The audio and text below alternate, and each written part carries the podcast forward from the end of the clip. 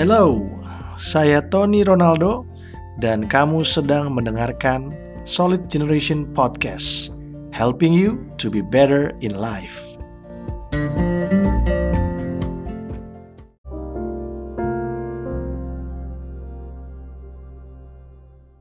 Yo, Solid Generation ketemu lagi di seri renungan Solid Foundation dasar yang teguh di episode hari ini.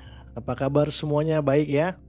Nah, hari ini kita akan membahas tema yang menarik yaitu tentang harta benda gitu ya. Nah, ayatnya dari Matius 6 ayat 19 sampai 21. Kalau saya boleh cerita, sebenarnya eh, tema ini adalah sebuah tema yang benar-benar berbicara secara pribadi kepada saya karena saya dibesarkan di keluarga yang kurang mampu dan uh, hampir uh, lebih dari setengah hidup saya itu benar-benar dihabiskan untuk bergumul atau punya masalah keuangan. Tetapi prinsip yang nanti akan saya bagikan ini adalah sesuatu yang benar-benar mengubah hidup saya. Ketika kita ngerti bagaimana kita harus mengelola harta yang ada pada kita yang Tuhan percayakan, dengan benar sesuai dengan apa yang Tuhan ajarkan, ternyata di situ pula lah kunci dari berkat Tuhan yang sejati, gitu ya. Jadi sebenarnya kalau saya boleh bilang bukan masalah berapa banyak uang yang kita punya atau berapa banyak harta yang kita punya, tetapi how is our attitude toward our treasure? Bagaimana sikap hati kita terhadap uh, harta tersebut?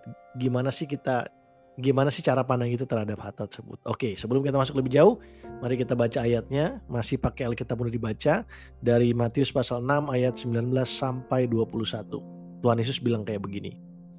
Janganlah menimbun harta benda bagi dirimu sendiri di bumi ini.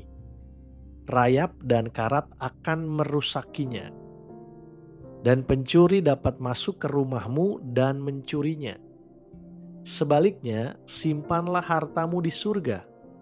Harta di surga tidak bisa dirusak oleh rayap dan karat, dan pencuri tidak dapat masuk untuk mencurinya. Di mana hartamu berada, di situlah hatimu berada. Satu uh, warning yang begitu jelas ya dan tegas dari Tuhan Yesus di bagian pertama dari bacaan kita hari ini adalah jangan menimbun harta benda bagi dirimu sendiri Tolong uh, perhatiin baik-baik deh kalimat itu. Jangan menimbun harta benda bagi dirimu sendiri di bumi ini. Jadi yang jadi problem itu bukan masalah mengumpulkan hartanya, tetapi masalah bahwa kita mengumpulkan atau menimbun ya.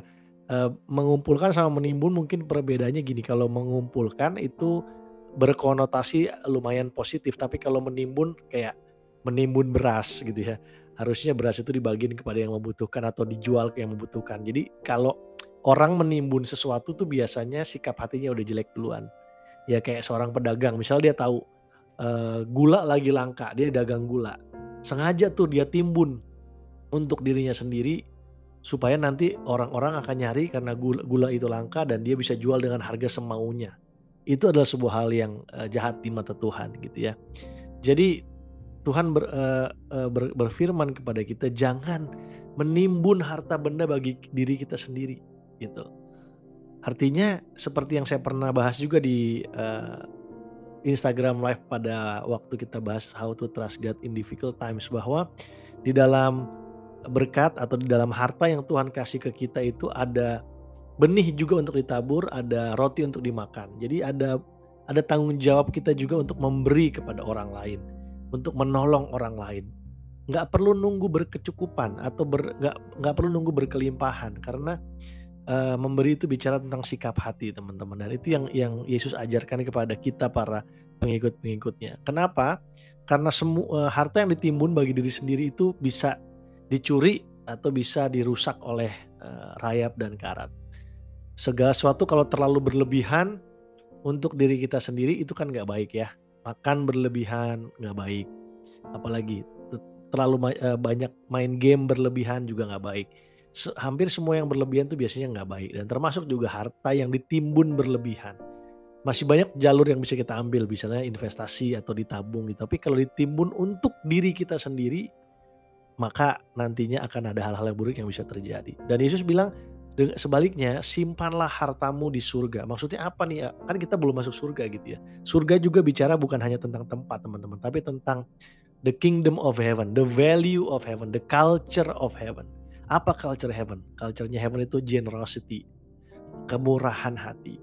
Tuhan mau kita simpan harta kita itu di tujuan-tujuan ilahi, di tujuan-tujuan surgawi.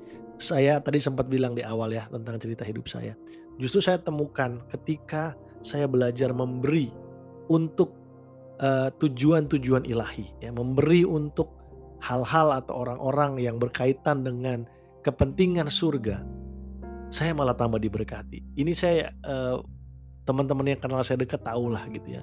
Ketika kita belajar untuk murah hati, menolong orang, menjalankan culture surga itu, justru dari situ harta kita malah terkumpul dan terkumpulnya bukan di bumi tapi terkumpulnya di surga.